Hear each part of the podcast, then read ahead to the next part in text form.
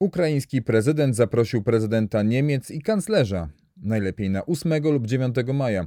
Już wiadomo, że w tym terminie wyjazdu nie było męskiego, bo do Kijowa pojechała ważna polityczka. Wcześniej był słowny atak na Scholza, że jest obrażalską parówą i stonowana odpowiedź, że to nie kiełbasa, ale kanclerz. W końcu jest też list otwarty do kanclerza, że nie wszystkie postaci życia publicznego są przeciwnikami wysyłania broni Ukrainie, a wszystko okręci się wokół Dnia Zwycięstwa, w Niemczech Dnia Kapitulacji.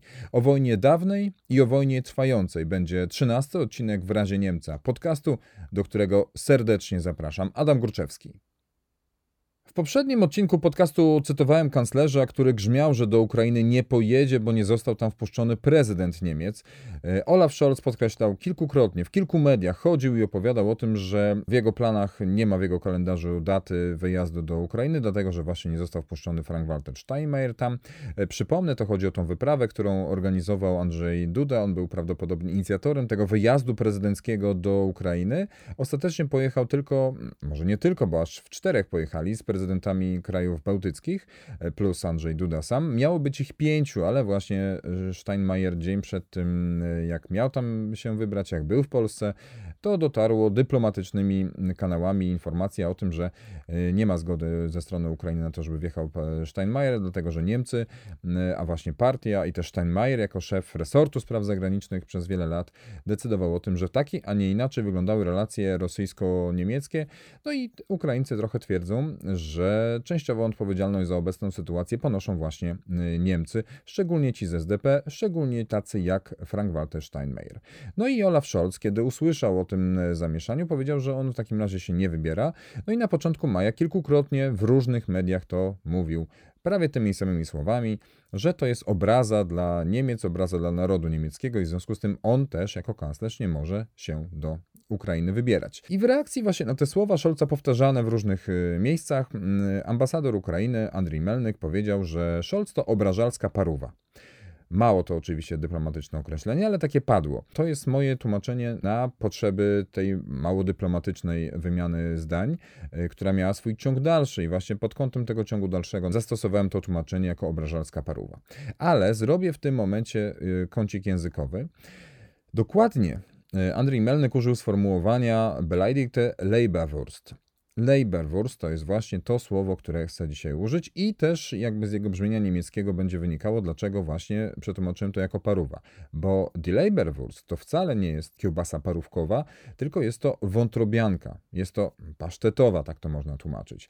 Ci, którzy mieszkają w Poznaniu czy w okolicach mają ułatwione zadanie, dlatego że tutaj używa się sformułowania lebera, kupuje się leberkę, kupuje się leberę, czyli właśnie wątrobiankę i dlaczego ja jednak przetłumaczyłem to jako nie wątrobianka, nie pasztetowa, nie jest obrażonym pasztetem? Dlatego, że tutaj pada słowo Wurst, Leberwurst, czyli dwa e, słowa są ze sobą, jak to w języku niemieckim, e, sklejone Leber to wątroba, Wurst to kiełbasa. I teraz, dlaczego właśnie ja tłumaczę to jako paruwa, bo łatwiej sobie kiełbasę parówkową wyobrazić, parówkę? Dlatego, że przyszła odpowiedź na ten słowo ambasadora Ukrainy ze strony y, polityka FDP, y, Wolfganga Kubikiego. Oczywiście łatwiej było na po polsku mówić Wolfgang Kubicki, ale Niemcy mówią Wolfgang Kubiki. I tenże Wolfgang Kubiki powiedział na poważnie wobec tego mało dyplomatycznego i mało poważnego tonu y, obrażalska paruwa. Jego reakcja była taka, Olaf Scholz nie jest kiełbasą, jest kanclerzem Republiki Federalnej Niemiec. Trzeba to respektować. Tak na poważnie odpowiada tutaj właśnie Wolfgang Kubicki. No i najlepszą reakcją na to oczywiście jest to, co zrobił prezydent Zełęński. Jest taka sytuacja, że zachowujemy się jak piaskownicy, to ktoś musi być mądrzejszy. Y, chciałem wysłać y, taki y, komunikat do mm, kanclerza Scholza, że ktoś musi być w tej sytuacji mądrzejszy. Nie zdążyłem, bo okazało się, że zadzwonił prezydent Wołodymyr Zełęński, zadzwonił do prezydenta Franka Waltera Steinmeiera, porozmawiali ze sobą. Podobno wszystkie niejasności zostały wyjaśnione. W oficjalnych komunikatach było, że pozostaniemy w bliskich kontaktach i prezydent Zełęński zaprosił do Kijowa e, Steinmeiera i Scholza.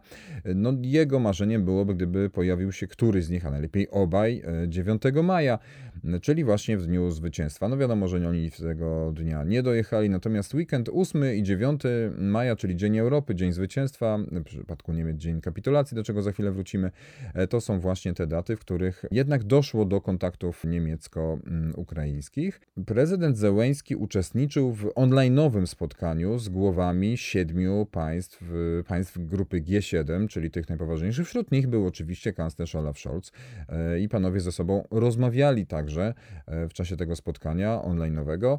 Natomiast e, oprócz tego, co się działo na linii Zełęński i panowie Steinmeier i Scholz, to była też wyprawa Berbel-Bas. Przewodnicząca Bundestagu, druga osoba w państwie, zgodnie z niemiecką konstytucją, pojechała właśnie w tych dniach do Ukrainy.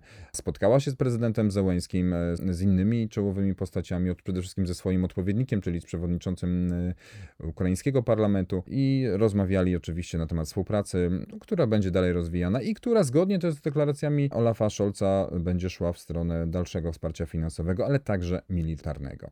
O tym wsparciu powiedział kanclerz Scholz właśnie 8 maja ponieważ wygłosił drugie od momentu, kiedy objął funkcję szefa rządu orędzie do narodu. Ono trwało 8 minut, tam nie było jakiegoś wielkiego przełomu, aczkolwiek kilka ważnych sformułowań padło, szczególnie nawiązujących do no do tej rocznicy, która właśnie tego dnia była i połączenie między tą rocznicą y, zakończenia II wojny światowej, a tym, co obecnie dzieje się w Ukrainie przez atak y, Rosji, co powiedział do swoich rodaków Olaf y, Scholz. Heute vor 77 Jahren Dziś mija 77 lat od dnia, w którym Europa zakończyła II wojnę światową.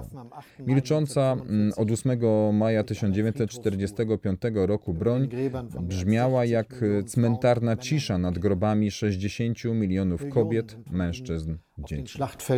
Miliony z nich straciło życie na polach walki. Miliony zostały zamordowane w obozach koncentracyjnych i obozach zagłady. To Niemcy dopuścili się tych zbrodni przeciw ludzkości. Jeszcze boleśniej brzmi to dzisiaj, gdy po 77 latach od II wojny światowej znów widać czystą przemoc, łamiącą prawo w środku Europy, gdy rosyjska armia zabija w Ukrainie mężczyzn, kobiety i dzieci Miasta obraca w pył, atakuje nawet uciekających ludzi. Dla mnie ten 8 maja jest jak żaden inny. Dlatego zwracam się dziś do Was. Nie możemy wspominać końca II wojny światowej, nie widząc tego, co się dzieje. Znów wojna obejmuje Europę. Tę wojnę wywołała Rosja. Kiedyś Rosjanie i Ukraińcy walczyli wspólnie. Dwa narody wśród najmocniej dotkniętych morderczym narodowym socjalizmem Niemiec. Niemcy przyznały się wtedy do winy wobec obu narodów, rosyjskiego i ukraińskiego. Z oboma od dziesięcioleci dążymy do pojednania. Teraz jednak rosyjski prezydent Putin chce ujarzmić Ukrainę, zniszczyć jej kulturę i tożsamość. Prezydent Putin zrównał swoją barbarzyńską wojnę najeźdźcą z walką przeciw narodowemu socjalizmowi. To jest fałszowanie historii i podłość, bo nie ma nic wspólnego między tymi wydarzeniami. To było militarne zwycięstwo aliantów, którzy doprowadzili do końca narodowo-socjalistyczną dyktaturę. Niemcy są im za to do dziś wdzięczni. I tu chcę zwrócić uwagę na chyba najbardziej symboliczny fragment tego orędzia, e, które wygłosił Olaf Scholz. Z katastrofalnego rozdziału naszej historii. Między latami 1933 a 1945 wyciągnęliśmy jedną podstawową naukę. Ona brzmi nigdy więcej. Nigdy więcej wojny. Nigdy więcej ludobójstwa. Nigdy więcej tyranii. A jednak znów do tego doszło, do wojny w Europie. Na to wskazał dziś prezydent Załęski. W obecnej sytuacji musi to dla nas oznaczać, że bronimy prawa i wolności po stronie zaatakowanego. Wspieramy Ukrainę w walce z agresorem. Kanclerz Scholz mówi dalej o tym, że o wszystkich sankcjach, które są w tej chwili wprowadzane, że nie było takich historii, że Niemcy zaangażowały się bardzo, że przyjmują setki tysięcy uchodźców z Ukrainy, że wszystko, co robią w tej chwili jako państwo Niemcy, jest po to, żeby ściągnąć Putina z jego wojennego kursu, który obrał No i na koniec wymienia zadania, które sobie postawił, cele, które postawił przed Niemcami. Jego zdaniem e, po pierwsze ważne jest, żeby Niemcy nie działali w odosobnieniu, żeby nie działali sami po prostu, tylko razem właśnie ze wszystkimi partnerami. Po drugie muszą zachować zdolność bojową. Tutaj tłumaczy trochę to, która broń jest przekazywana, a która e, musi pozostać e, w siłach Bundeswehry, a której trzeba dla niemieckiej armii w ogóle dokupić. Po trzecie wybierane są takie działania, które mają szkodzić bardziej Rosji niż Niemcom i partnerom. No a po czwarte Niemcy nie robią niczego, co by mogło uczynić NATO stroną tej wojny. I na koniec mówi tak. Jestem głęboko przekonany, że Putin tej wojny nie wygra. Ukraina przetrwa. Wygrają wolność i bezpieczeństwo, tak jak wolność i bezpieczeństwo 77 lat temu wygrały ze zniewoleniem, przemocą i dyktaturą. Dlatego stanowczo podkreślam, to oznacza dzisiaj nigdy więcej. Tu leży dziedzictwo 8 maja liegt das Vermächtnis des 8. Mai. Tak mówi Olaf Scholz y, i najwyraźniej znajduje coraz y, więcej popleczników. Mówiłem w poprzednich odcinkach o dwóch listach y, podpisanych przez osoby życia publicznego, które przekazywały taki komunikat, żeby nie angażować się w wysyłanie broni, żeby zatrzymać już więcej nie wysyłać. W końcu pojawił się list otwarty skierowany do Olafa Scholza, w którym jest mowa o czymś innym. To znaczy, e, najwyraźniej intelektualiści, publicyści, dziennikarze, politolodzy, wielu artystów stwierdzili, że no to nie jest tak, że my wszyscy jesteśmy tutaj przeciwko temu wysyłaniu broni. Nie, mamy inne zdanie, jest nas sporo i podpisujemy list. I rzeczywiście dość długa lista kilkudziesięciu nazwisk się pojawiła pod tym pismem, które zostało upublicznione, jego treść została przekazana.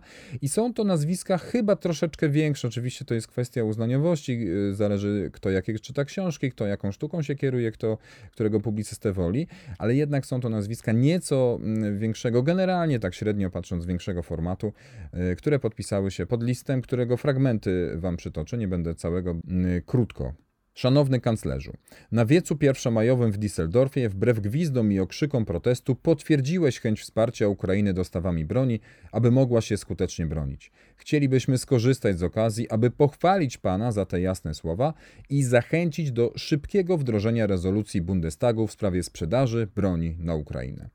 Wobec koncentracji wojsk rosyjskich na wschodniej i południowej Ukrainie, ciągłych bombardowań ludności cywilnej, systematycznego niszczenia infrastruktury, kryzysu humanitarnego z ponad 10 milionami uchodźców oraz katastrofy gospodarczej na Ukrainie w wyniku wojny, liczy się każdy dzień. Nie jest wymagana żadna specjalna wiedza wojskowa, aby uznać, że różnica między uzbrojeniem defensywnym i ofensywnym nie jest kwestią materiału, w rękach atakowanych czołgi i haubice są również bronią defensywną, ponieważ służą do samoobrony. Rosyjski sektor energetyczny, zdaniem sygnatariuszy tego pisma, to finansowe koło ratunkowe reżimu e, Putina, więc dlatego tutaj także należy walczyć. Nie chodzi tylko o samo wysyłanie e, broni, oczywiście, mm, ale o wszystkie rzeczy, które wspierają Ukrainę.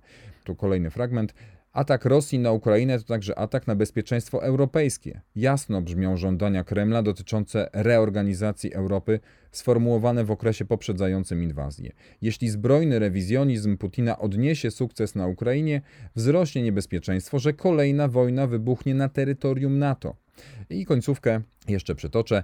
Istnieją dobre powody, aby uniknąć bezpośredniej konfrontacji wojskowej z Rosją, ale to nie powinno i nie może oznaczać, że obrona niepodległości i wolności Ukrainy nie jest naszą sprawą. To także probierz tego, jak poważnie traktujemy niemieckie nigdy więcej. Historia Niemiec zmusza do wszelkich wysiłków, aby zapobiec kolejnym wojnom prowadzącym do wypędzeń i eksterminacji.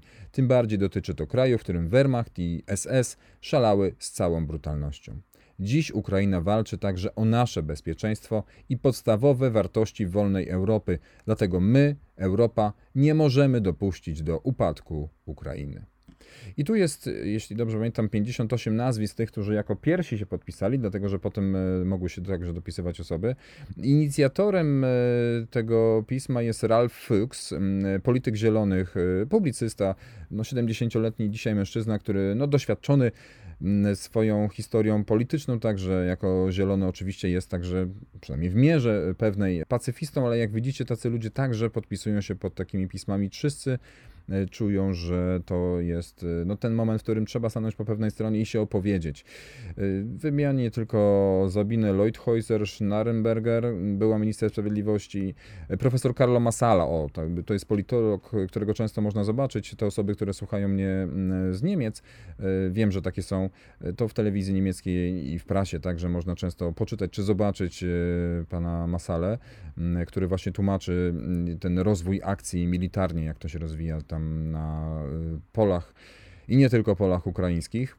Szef Springera jest y, Matthias Depfner, mm, no i jeszcze, nie wiem, może pisarki wymienię Ewa Menasse, Herta Müller.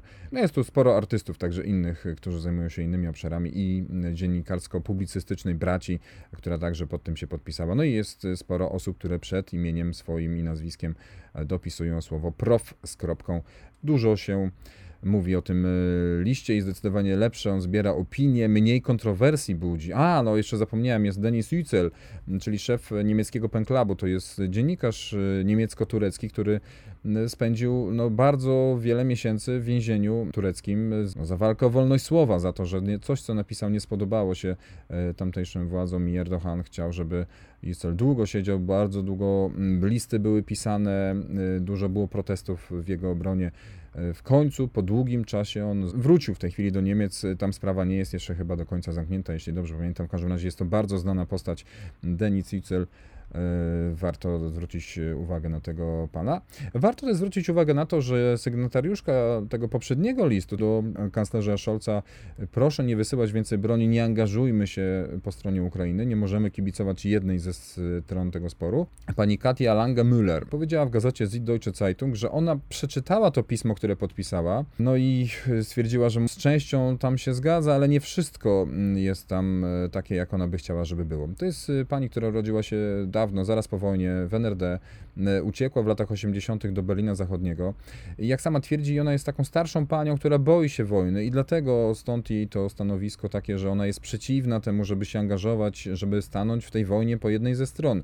Ale jak wczytała się w to pismo, e, ten list otwarty skierowany do kanclerza Scholza, to wyczytała w nim, że tak naprawdę to mm, autorzy tam nawołują do kapitulacji Ukrainy, a to jest oczywiście bez sensu, dlatego ona uważa, że podpisanie przez nią tego listu jest błędem. A skoro mówimy o nawoływaniu do kapitulacji Ukrainy i mówimy o dniach 8-9 maja, o tych dniach, czyli mówimy o czasie, kiedy hitlerowskie Niemcy musiały się poddać, wojna się zakończyła podpisaniem bezwarunkowej kapitulacji. Krótko w takim razie postaram się Wam opowiedzieć takie może najważniejsze fakty, jak to wyglądało. Wiemy, że było to dwa razy podpisanie ale co i jak, postaram się zebrać najważniejsze fakty. Nie będę się silił tutaj na głęboką analizę historyczną, ale odpowiadam zajęciem się tym tematem na takie zawołanie ze strony moich słuchaczy, przynajmniej części z Was, żeby mówić także o wątkach historycznych. Zresztą, skoro najbardziej słuchanym do tej pory odcinkiem jest ten, który mówi o mm, agencie KGB mm, Władimirze Putinie, no to y, też świadczy o tym, że właśnie ta historia trochę Was interesuje. Ja dostałem w bezpośrednich rozmowach także takie e, wskazanie i podpowiedź, że trochę historii nie zaszkodzi. 8 maja e, w Berlinie podpisanie bezwarunkowej kapitulacji ze strony hitlerowskich Niemiec. Ale zanim do tego doszło, wcześniej zostało podpisane mm, porozumienie, czy podobna kapitulacja, nie do końca taka sama, we, Franc we Francji, w Rem. 30 kwietnia ginie Hitler, y, ginie Göring. 1 maja na mocy takiego pośmiertnego postanowienia, może testamentu Hitlera, zostaje powołany prezydent y, Niemiec. Właśnie on staje na czele państwa, Karl Dönitz, który właśnie w ostatnim czasie zbliżył się bardzo do Adolfa Hitlera i w, dołączył do tych najbliższego grona tych ludzi, którzy zajmowali się próbą, no na początku to jeszcze nie była tak do końca próba, w tych połowie, w tej wczesnych latach 40. W roku 45 to już była bardziej próba tego, żeby cokolwiek jeszcze zapanować nad y, krajem niemieckim, nad tym systemem, którym, na którego czele stał Hitler i który stworzył i wszystko było pod niego podpasowane. 30 kwietnia Hitler y, ginie, 1 maja prezydentem Niemiec zostaje Karl Dönitz. Trzeba powiedzieć, że to była funkcja nieprzewidziana przez y, prawo niemieckie, znaczy prezydent i owszem, ale wybierany przez ludzi, a nie wskazywany wolą jednego człowieka, jakiejkolwiek funkcji by on tam nie pełnił. No i Denis jest zaangażowany w te rozmowy, które były prowadzone. On deleguje uprawnienia do, dla Alfreda Jodla. Pułkownik generał Alfred Jodl jest tym, który we Francji pojawia się właśnie w sztabie, którym alianci zachodni właśnie rezydują, w tym głównym sztabie, gdzie ma zostać podpisana umowa. I tam dochodzi do rozmów, umowa, która oczywiście kończy mm, II wojnę światową, ale tam e, pojawiły się próby ze strony niemieckiej, żeby nie podpisywać bezwarunkowej kapitulacji, mm, żeby ta bezwarunkowa kapitulacja, czy też właśnie, żeby ona nie była bezwarunkowa, żeby ona była warunkowa. To znaczy nie miało tam być kapitulacji względem Rosji. A trzeba powiedzieć, że mm, właśnie no, na tym zachodnim e, froncie te rozmowy toczyły się troszeczkę inaczej. E, natomiast było już po rozmowach między Amerykanami a Rosjanami, kiedy został ustalony wstępnie porządek świata, który ma się, mm, jak ma wyglądać później, e, i okazało się, że właśnie na żądanie Niemców, żeby wyłączyć Rosję z, tego, mm, z tej kapitulacji, zareagował mm, prezydent, późniejszy prezydent, a wtedy jeszcze szef wojsk amerykańskich, czyli Dwight David Eisenhower.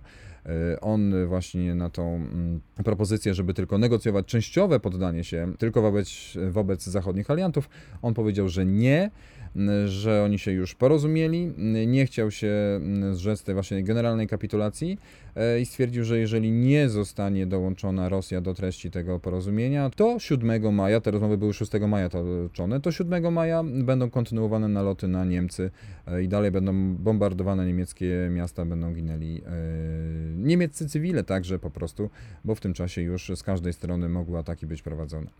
No i wobec tego Niemcy się musieli na to zgodzić i pod podpisali w REM w budynku, w którym dzisiaj mieści się liceum e, Franklina Roosevelta, o właśnie. Mm, no i tam pojawili się wspomniany już wcześniej Alfred Jodl, e, generał admirał Hans-Georg von Friedeburg mm, oraz major Wilhelm Oxenius. Oni w kwaterze głównej zachodnich sił sojuszniczych negocjowali, no i potem złożyli swoje podpisy pod dokumentem, który teoretycznie zakończył już II y, wojnę światową, bo uznano, że już są wszystkie podpisy złożone, które należałoby mm, pod takim dokumentem mieć. Podpisał ten akt kapitulacji generał Walter Bedell Smith ze strony Amerykanów, to jest szef sztabu Eisenhowera. Ze strony mm, sowieckiej, bo był tam reprezentant sowiecki, to był generał dywizji Iwan Susłuparow, no i jako świadek jeszcze był generał dywizji armii francuskiej François Seves. Mm, ten Iwan Susłoparow tu jest kluczowy, dlatego że Rosjanie potem się wycofali, mm, a właściwie powiedzieli, że nie do końca tam były wszystkie podpisy, które powinny zostać złożone i dlatego potem doszło do drugiego podpisania w Berlinie, o czym za chwilę. Były połączenia, były rozmowy przez radio i co więcej zostało mm, po odrzuceniu tych żądań niemieckich, żeby nie ujmować tam Rosji, w końcu został ten akt kapitulacji podpisany i Lutz von Schwerin-Krosigk, e, to premier z kolei powołany przez Dynica, do którego za chwilę wrócę, premier takiego krótkotrwałego rządu niemieckiego powstałego właśnie też na początku maja, a jeszcze przed końcem maja już rozwiązanego, to był ten człowiek, który ogłosił na terenie Niemiec przynajmniej koniec II wojny światowej na kontynencie europejskim o godzinie 12.45 na falach radiowych można było usłyszeć głos y, pana Luca von Schwerin-Krossika, E, który ogłaszał właśnie światu, że już został podpisany kapitulacji. Ale tak jak wspomniałem, Rosjanom się nie spodobało to, że tam nie do końca była taka delegacja, jak miała być. Jednak do tego podpisania w Berlinie doszło dlatego, że Niem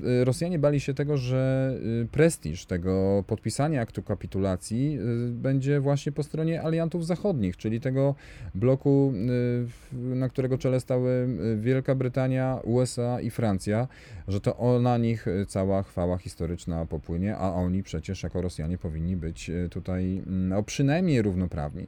No i w związku z tym do Berlina ściągnęła niemiecka delegacja. W Berlinie w siedzibie wojsk sowieckich, tak dokładnie mówiąc, e, dlatego że to była przecież Armia Czerwona, to była Armia Związku Radzieckiego istniejącego wtedy, to właśnie w tej siedzibie wojsk radzieckich w Berlinie, w dzielnicy Karlshorst doszło do tego ponownego spotkania i do podpisania podpisania ze strony tych, którzy kierowali trzema podstawowymi wojskami, rodzajami wojsk.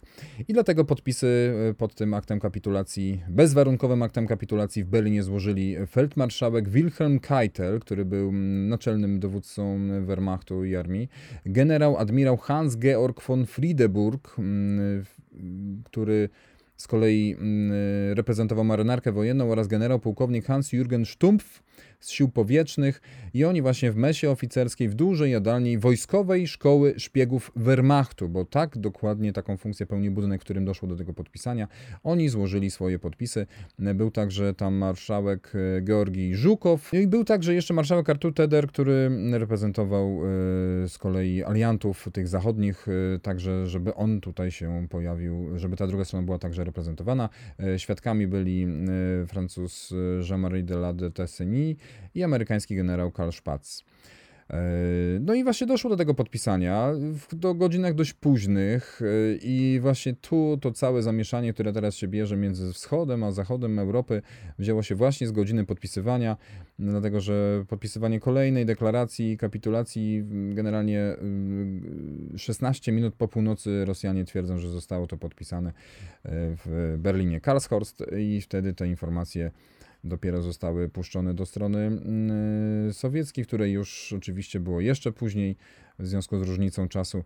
No i stąd y, zachód Europy pozostał przy dacie 8 maja, wschód y, przy dacie 9 maja i tak do dzisiaj dwudniowe świętowanie jest. Zachód świętuje Dzień Europy, Dzień Zwycięstwa, y, świętuje z kolei wschód, no a w Niemczech wiadomo jest to Dzień Kapitulacji Niemiec Hitlerowskich to tak to wyglądało. Ja tylko jeszcze wam powiem, że ten e, prezydent e, Denic został skazany e, w procesie norymberskim na 10 lat. Odsiedział swoje 10 lat, wyszedł, później cieszył się jeszcze wolnością.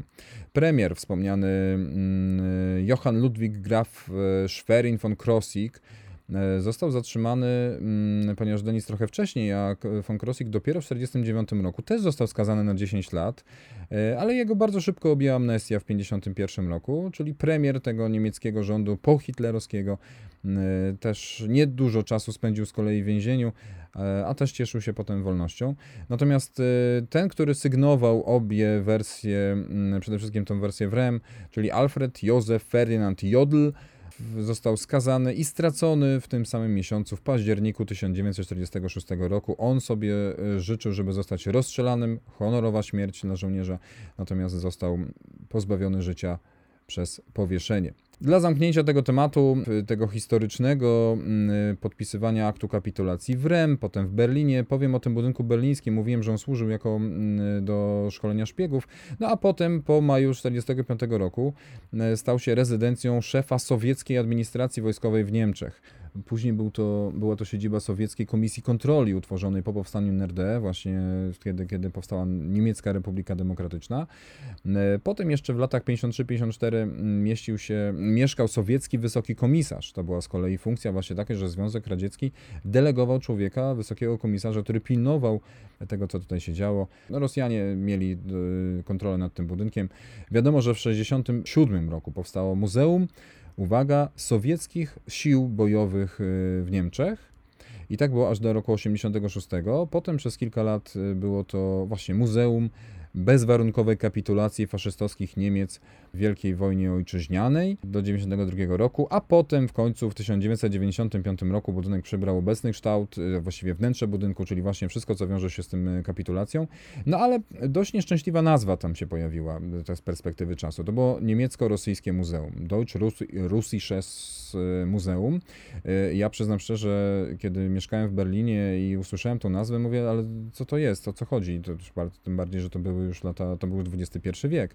E, no to nazwa się dość długo ciągnęła, aż teraz właśnie przyszła agresja rosyjska na Ukrainę i uznano, że jednak mimo tego, że już wcześniej prowadzone było to miejsce także we współpracy z narodem, uwaga, e, białoruskim i ukraińskim, to jednak w nazwie ciągle gdzieś to się mm, słowo rosyjskie tylko stało jako jedyne partnerskie. E, dzisiaj to muzeum, które polecam Wam, nazywa się po prostu tak jak miejsce, w którym ono się znajduje, Berlin Karlshorst. Od kilku dni nie ma tego Muzeum Niemiecko-Rosyjskiego. Ta wersja nazwy zniknęła też ze strony internetowej placówki, choć jeszcze 9 maja nad ranem znalazłem w wersji angielskiej Niemiecko-Rosyjskie Muzeum. Rugowanie zajmie zapewne jeszcze trochę czasu w niemieckiej stolicy. Władze Berlina ogłosiły, że w 15 miejscach pamięci 8 i 9 maja zakazane były flagi rosyjskie i ukraińskie oraz y, wstążka świętego Jerzego używana w sowieckich orderach za pokonanie hitlerowskich Niemiec, noszona w tych dniach przez y, y, ludzi szczególnie na wschodzie, szczególnie w Związku Radzieckim wcześniej, a także teraz w Rosji, ku pamięci poległych. Ukraińcy decyzją miasta o tym zakazie wywieszania flag ukraińskich byli oburzeni, a Rosjanie z flagami i wstążkami składali kwiaty na grobach czerwonoarmistów. Tam, gdzie byli rosyjscy dyplomaci, niemiecka policja nie interweniowała i te flagi i wstążki były. Na antywojennych demonstracjach e, z kolei proukraińskich mundurowi rekwirowali flagi ukraińskie. To może mieć swój ciąg dalszy. Tak jak dalszy ciąg będzie miał mój podcast w razie Niemca. Nieustanny ciąg na niemiecką politykę i nie tylko jest na moich kontach na Twitterze i na Instagramie. Zapraszam tam, zapraszam tu. Do usłyszenia. Adam Górczewski.